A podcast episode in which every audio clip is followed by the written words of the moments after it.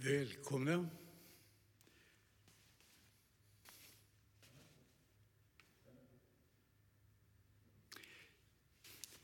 Det, jag konstaterade att under 66 år det är så att jag ganska många gånger har predikat just här i kyrkan på Kristi förklaringsdag. Och det är ett av skälen till att jag skulle vara lite självsvåldig idag och inte välja någon av de vanliga texterna. Och jag hoppas att det kan bli något som ger er ändå.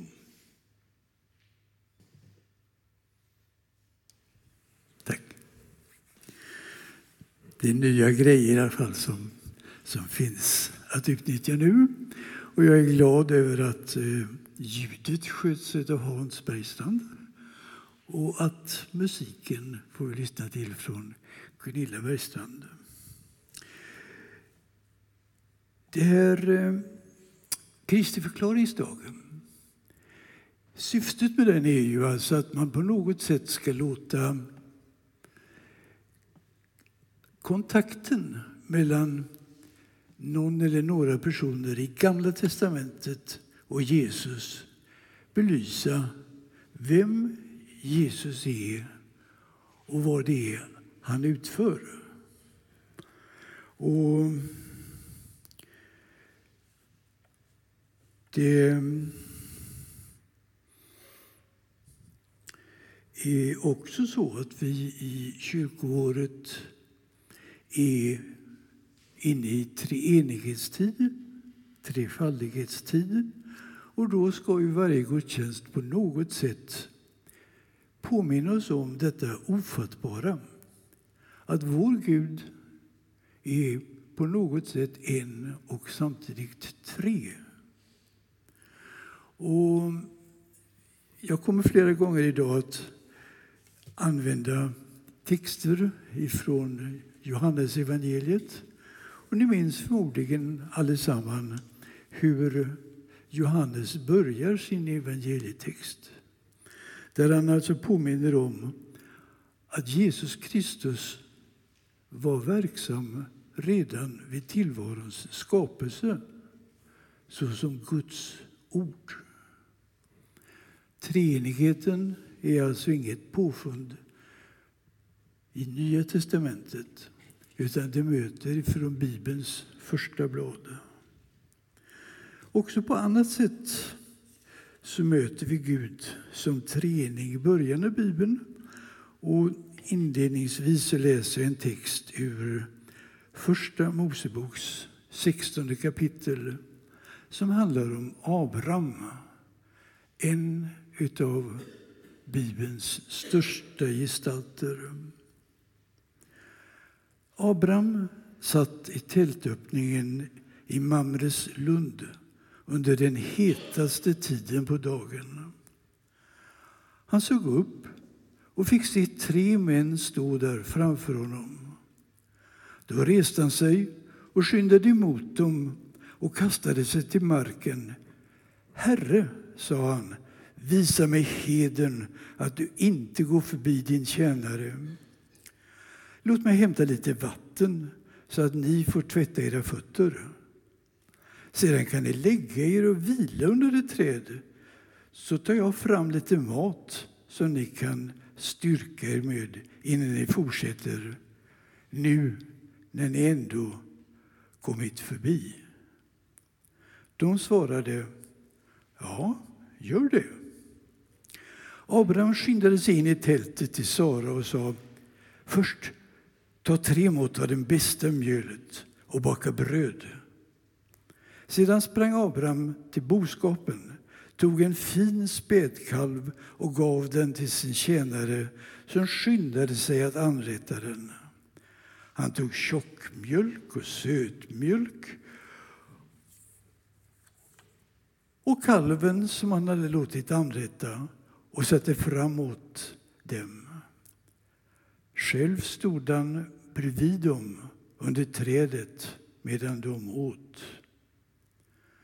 Sedan frågade de honom, var är Sara, din hustru?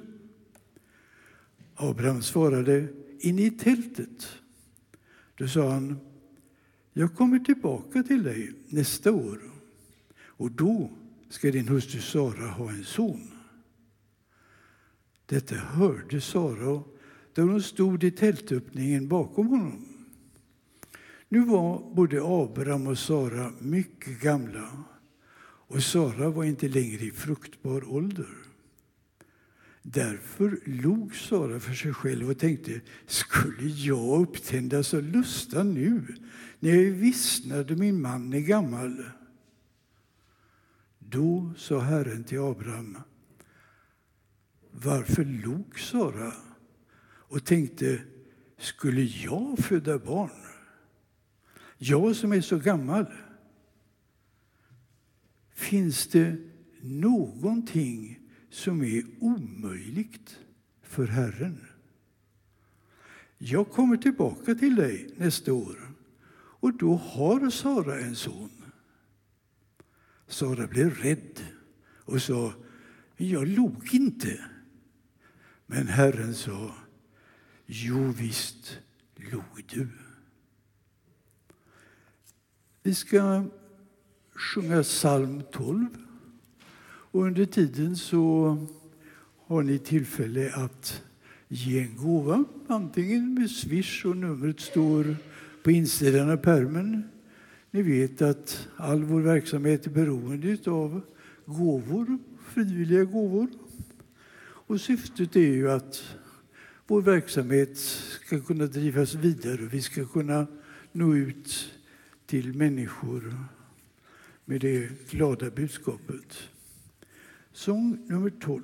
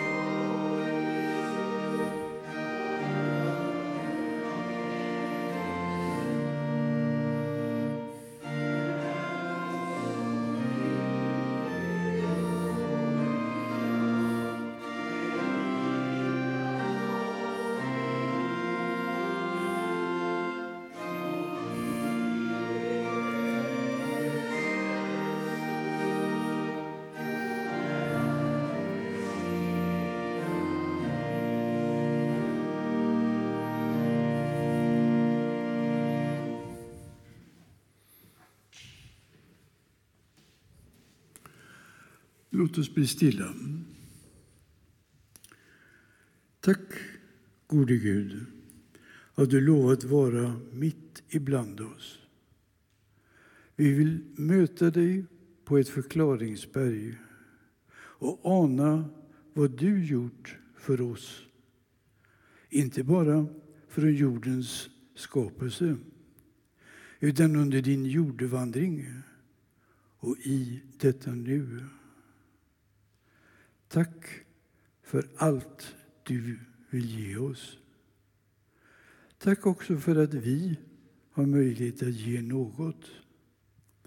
Välsigna vad som har samlats in så att det används på bästa sätt. I Jesu namn. Amen.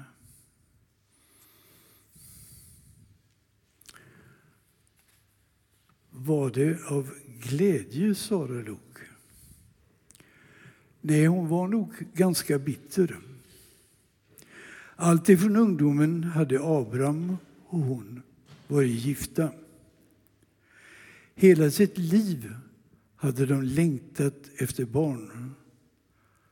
Och hon hade fått uppleva inte bara besvikelsen utan skammen som många ansåg det vara på den tiden, att inte få något. Vid besöket jag läst om var Abraham 99 år. Båda var alltså gamla och vid hennes ålder kan ju en kvinna inte få barn.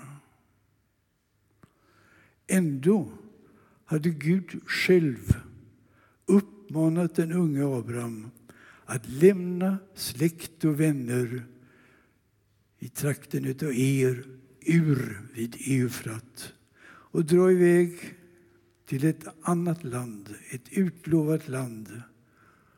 Och redan då antydde Gud att avkomman skulle bli talrik som himmelens stjärnor eller stoftkornen på jorden. Lydigt hade de dragit iväg. Och väl framme hade Gud gång på gång upprepat sitt löfte.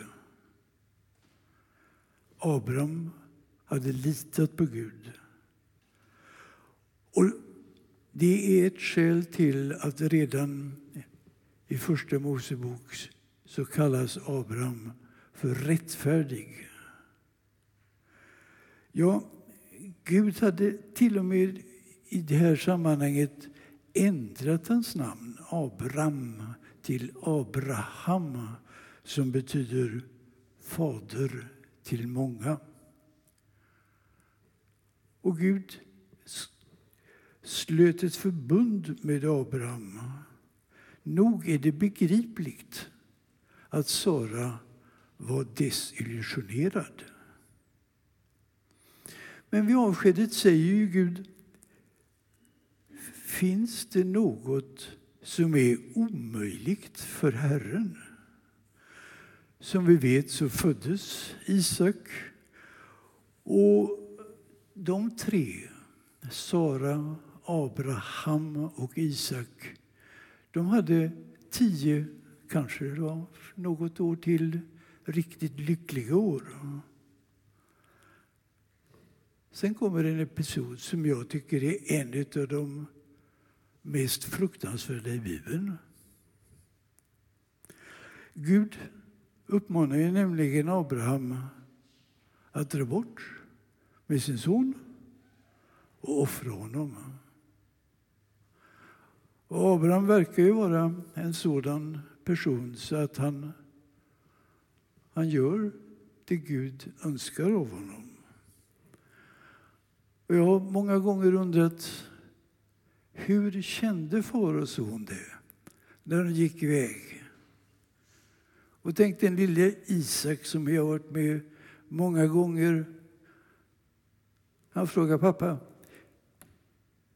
kniv har vi med, eld har vi med, som vanligt. Men vad ska vi offra? Och det går ju ända därhän att Abraham får binda fötter och händer på sin son, lägger upp honom på ett altare, höjer sin högra hand med den vassa kniven. Då, då avbryter Gud det hela.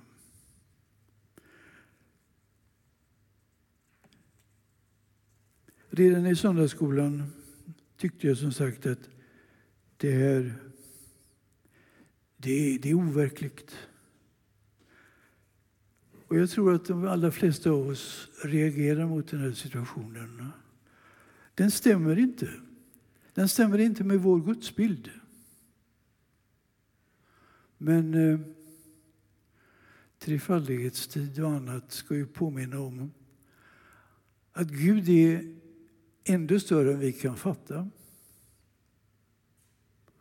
Och jag har läst en som jag tycker är god förklaring till vad mötet med det heliga och mötet med Gud alltså kan innebära. Och den teologen säger det att man grips av en väldig bävan. Och samtidigt så känner man en stark dragning. Både och. Och kanske är det ofta så att vi i vår gudstro och gudsbild glömmer bort att ett mått av bävan kan höra till. När vi läser i Gamla testamentet så är det den vanliga reaktionen bland människor. De faller till marken, de skyler sitt ansikte inför Gud den väldige. Och likadant är det på förklaringsberget. De tre lärjungarna gör precis som sina gamla testamentliga föregångare.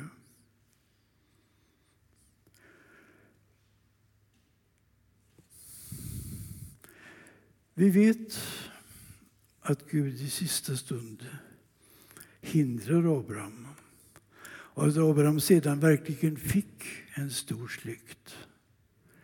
Då kan man inte låta bli att undra ändå varför begärde Gud detta väldiga offer? Och själv tror jag att det beror på bland annat att Gud är en pedagog. Den här situationen den möter för vår skull. Gud vet hur svårt vi har att fatta. Genom att första delen av Bibeln finns så förbereds sådant som sedan möter i Nya testamentet och blir lättare att ana och förstå. Därför bör vi utnyttja den möjligheten att hjälpa texter i Gamla testamentet hjälpa oss att förstå vad det som sker i Nya testamentet betyder. Gud frågar alltså Sara när hon tvivlar. Finns det något som är omöjligt för Gud? Underförstått, jag har ju skapat allt. Himmel och jord och allt gott som finns. Att lille Isak blir till i den gamla och sterila är lika mycket under som att Jesus blir till i den unga och orörda. Skillnaden är, som evangelisten Johannes påpekar, att det är ordet Gud själv som blev människa genom jungfrun. Det är samma allsmäktige Gud som verkar i båda situationerna. Men syftet med de två undren är olika. Så återvänder vi till den chockerande situationen där Abraham är beredd att offra sin son. Jag är säker på att den där sista kvällen i Getsemane när Jesus är försänkt i bön så tänker han på just det vi nyss har läst. Och han vet ju vad som väntar. Och det är fruktansvärt. Och jag kan tänka mig att den här bönen säger Måtte jag få slippa. Minns hur du ingrep i sista sekund när Isak skulle offras. Men han tillägger Ske inte min vilja, utan din. Vi vet hur det gick. Och jag tror att det är den situationen som är den allra viktigaste. Den enda som verkligen gör det yttersta offret, att offra sin egen son, det är Gud själv. Johannes har uttryckt det så bra. Ni kan det förmodligen alla utan till. Ty så älskade Gud världen att han utgav sin enda son för att de som tror på honom inte ska förgås utan ha evigt liv. Att Jesus utges är alltså uttryck för Guds kärlek och nåd. Syftet är att vi ska få evigt liv. Besinna det medan vi får lyssna till musik.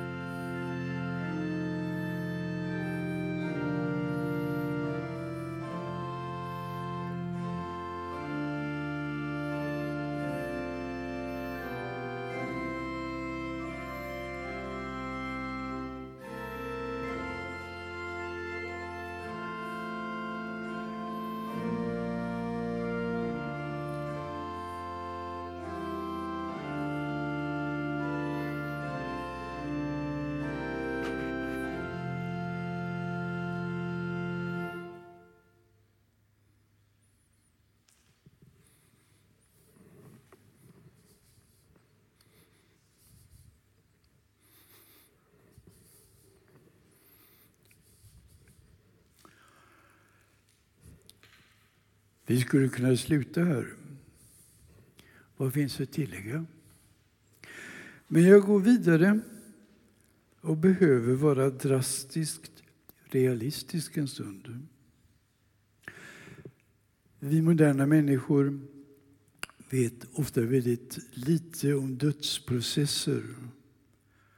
Och dessutom är många krucifix konstnärligt mästerverk men inte särskilt realistiska. Jesus däremot, han visste vad som väntade när han bad i Getsemane. Det han ser framför sig är följande. Bödlarna som spikar upp en människa på ett kors, det ligger ju på, på marken bevars i början. De vet en del om anatomi.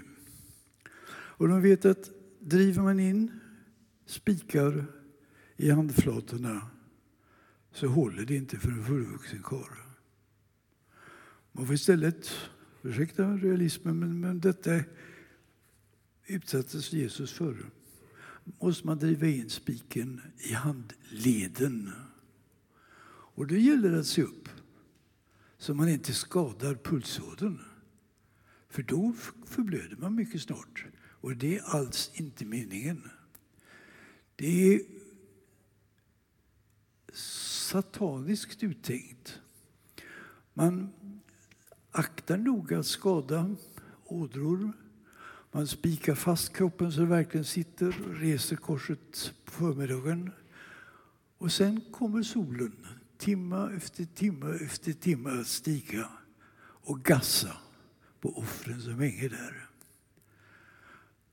Och de svettas och de törstar och det ena organet efter det andra i kroppen börjar krångla för att till slut, efter många timmar, upphöra att fungera och döden inträder.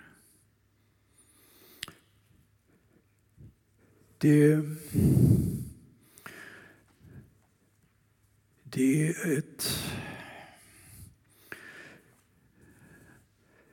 ett sätt att döda en medmänniska som eh, nog inte har så många motsvarigheter i fråga om sadism. Och ändå så skedde detta offentligt. Och folk kunde till och med gå och titta på detta och komma med försmädliga kommentarer. Andra har han hjälpt. Hade Abraham offrat Isak så hade det varit ett ögonblicksverk att störta kniven i bröstet. När Gud offrar sin son förorsakar den romerska maktens vidriga tortyrmetod en utdragen dödsprocess. Och naturligtvis har människor i alla tider undrat hur kunde Gud låta detta ske? En rad genomtänkta försoningsläror har presenterats. Men jag vill idag istället peka på några andra möjligheter att kommentera.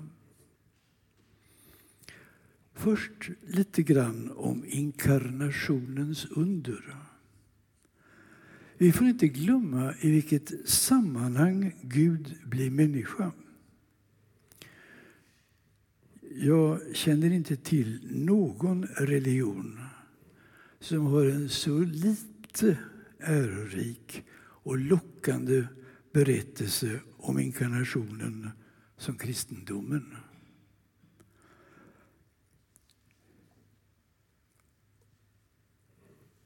Och i andra religioner finns det flera berättelser om hur deras gudar blir människor. Och då blir guden kung, prins eller en hjälte i en dramatisk situation. När vår Gud, som vi tror är den enda guden, blir människa då föds han i ett stall i brist på bättre. Ganska snart måste han och föräldrarna gå i landsflykt för att komma undan barnamorden i Betlehem. Under uppväxten fick han kanske några gånger glåpordet av de andra ungarna i byn för att han skulle vara ett så kallat oväkta barn inte riktigt född inom äktenskapet. Som vuxen tar han gärna kontakt med människor som föraktas av andra. Tulltjänstemän, äktenskapsbrytare, handikappade och så vidare. Fastän oskyldig får han sluta sitt liv hånad och pinad på ett kors. Allt detta oglamorösa är led i Kristi inkarnation. Det är för vår frälsnings skull som han levde så. När Gud tar mänsklig gestalt i Jesus är han nämligen beredd att dela lott med de sämst lottade. Och det tror jag är en av förklaringarna till korsfästelsen. Också den som är dömd och utsätts, utsatt från gemenskapen i samhället ska veta att frälsaren har delat också deras situation.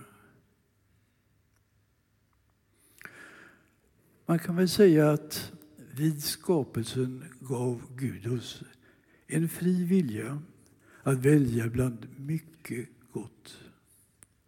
Men den innebär ju också att vi har möjlighet att strunta i Gud och hans vilja.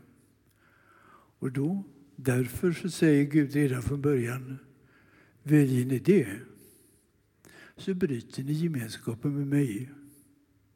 Och följden utav den, det är döden. Så på något sätt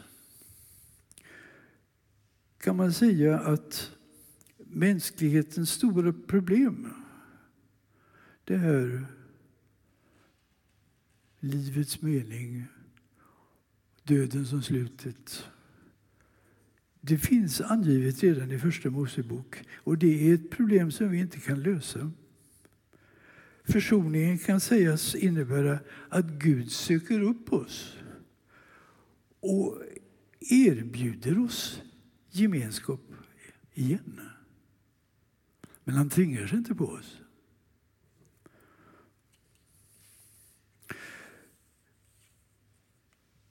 Vi har blivit anförtrodda ett stort glädjebudskap enligt Johannes evangeliet än en gång.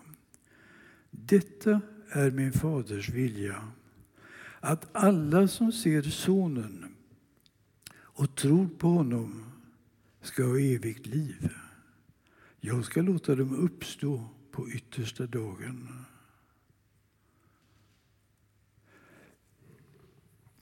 Det här ofattliga offret beror alltså på Guds nåd och kärlek.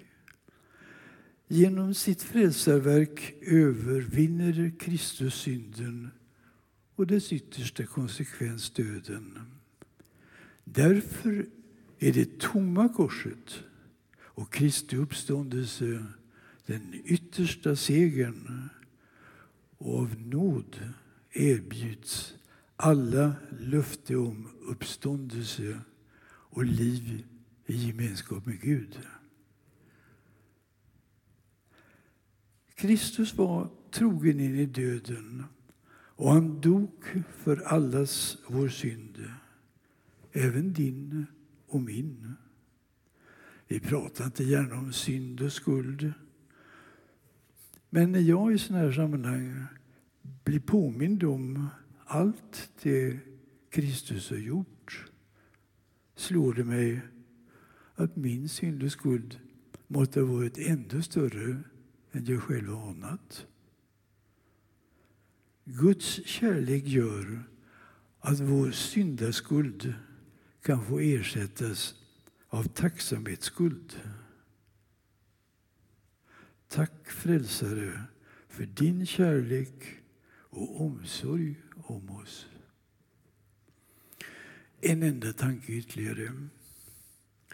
Det finns ett talesätt som säger att var och en blir salig på sin fason. Är det rimligt? Skulle Gud offra sin egen son om det fanns andra möjligheter? Det verkar naturligt att Jesus avslutar sitt frälsarverk efter uppståndelsen med missionsbefallningen. Guds kärlek söker ju oss alla. Frälsningen finns bara i att vi böjer knä för Kristus och från honom tar emot nåden och löftet om en gemenskap som döden inte kan sätta någon gräns för. Alltså, Kristi frälsarverk gäller alla. Erbjudandet gäller alla. Men hur får alla reda på det? Det är kyrkans och varje troendes uppdrag att under den helige Andes ledning förmedla det. Det är ett av skälen till att det finns kyrkor och lokala församlingar.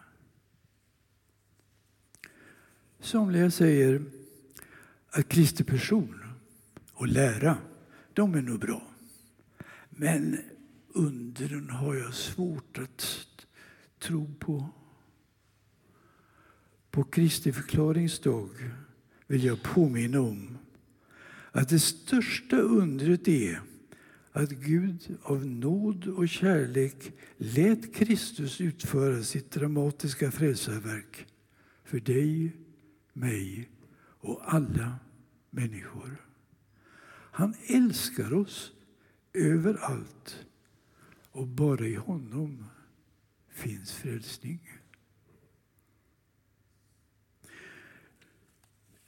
Nu föreslår jag att vi sjunger sången 369. Och därefter har vi möjlighet till en stilla stund i bön, ljuständning. Och vi har väl alla många bönämnen och vi har flera vänner som kan behöva och begärt också att få förbön. Vi har, eh, om jag kan nämna ett par namn. Tor Herngren, som ju har det väldigt jobbigt just nu. Vi har Lars Aldenius, som också har det jobbigt.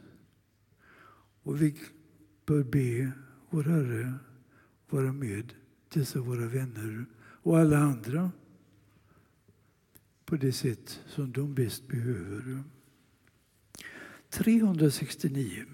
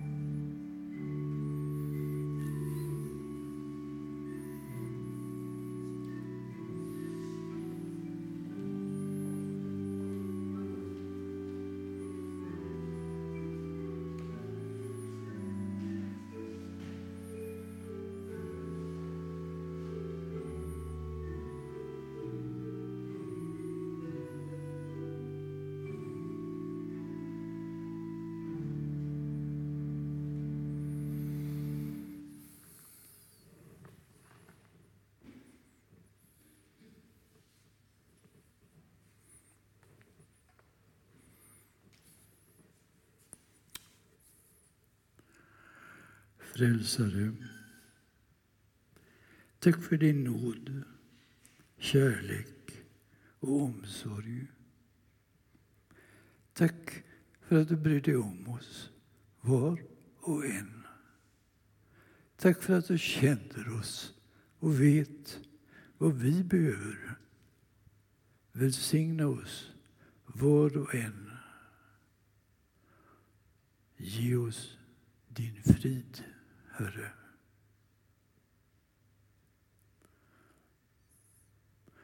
Vi ber också för sjuka och avsidestagna, för vårt uppdrag att bära ut det glada budskapet. Hjälp, Herre, alla kristenhetens församlingar och kyrkor så att vi når ut till våra medmänniskor. I Jesu namn. Amen. Men vi förenas i Herrens bön. Vår Fader, du som är i himlen. Låt ditt namn bli helgat. Låt ditt rike komma. Låt din vilja ske på jorden så som i himlen. Ge oss idag det bröd vi behöver och förlåt oss våra skulder liksom vi har förlåtit dem som står i skuld till oss. Och utsätt oss inte för prövning utan rädda oss från det onda. Ditt är riket, din är makten och äran i evighet. Amen. Mottag också välsignelsen. Herre, välsigna oss och bevara oss. Herre, låt ditt ansikte lysa över oss och vara oss nådig. Herre, vänd ditt ansikte till oss och ge oss frid. I Jesu namn. Amen. Den enda pålysning som jag vet om är att det är kvällsandakt också nästa söndag klockan 18. Och då är det Peter Molineux som talar. Som avslutning ska vi sjunga 696 och därefter är alla välkomna med in till gemenskapsutrymmet bredvid där vi kan eh, fika tillsammans. 696.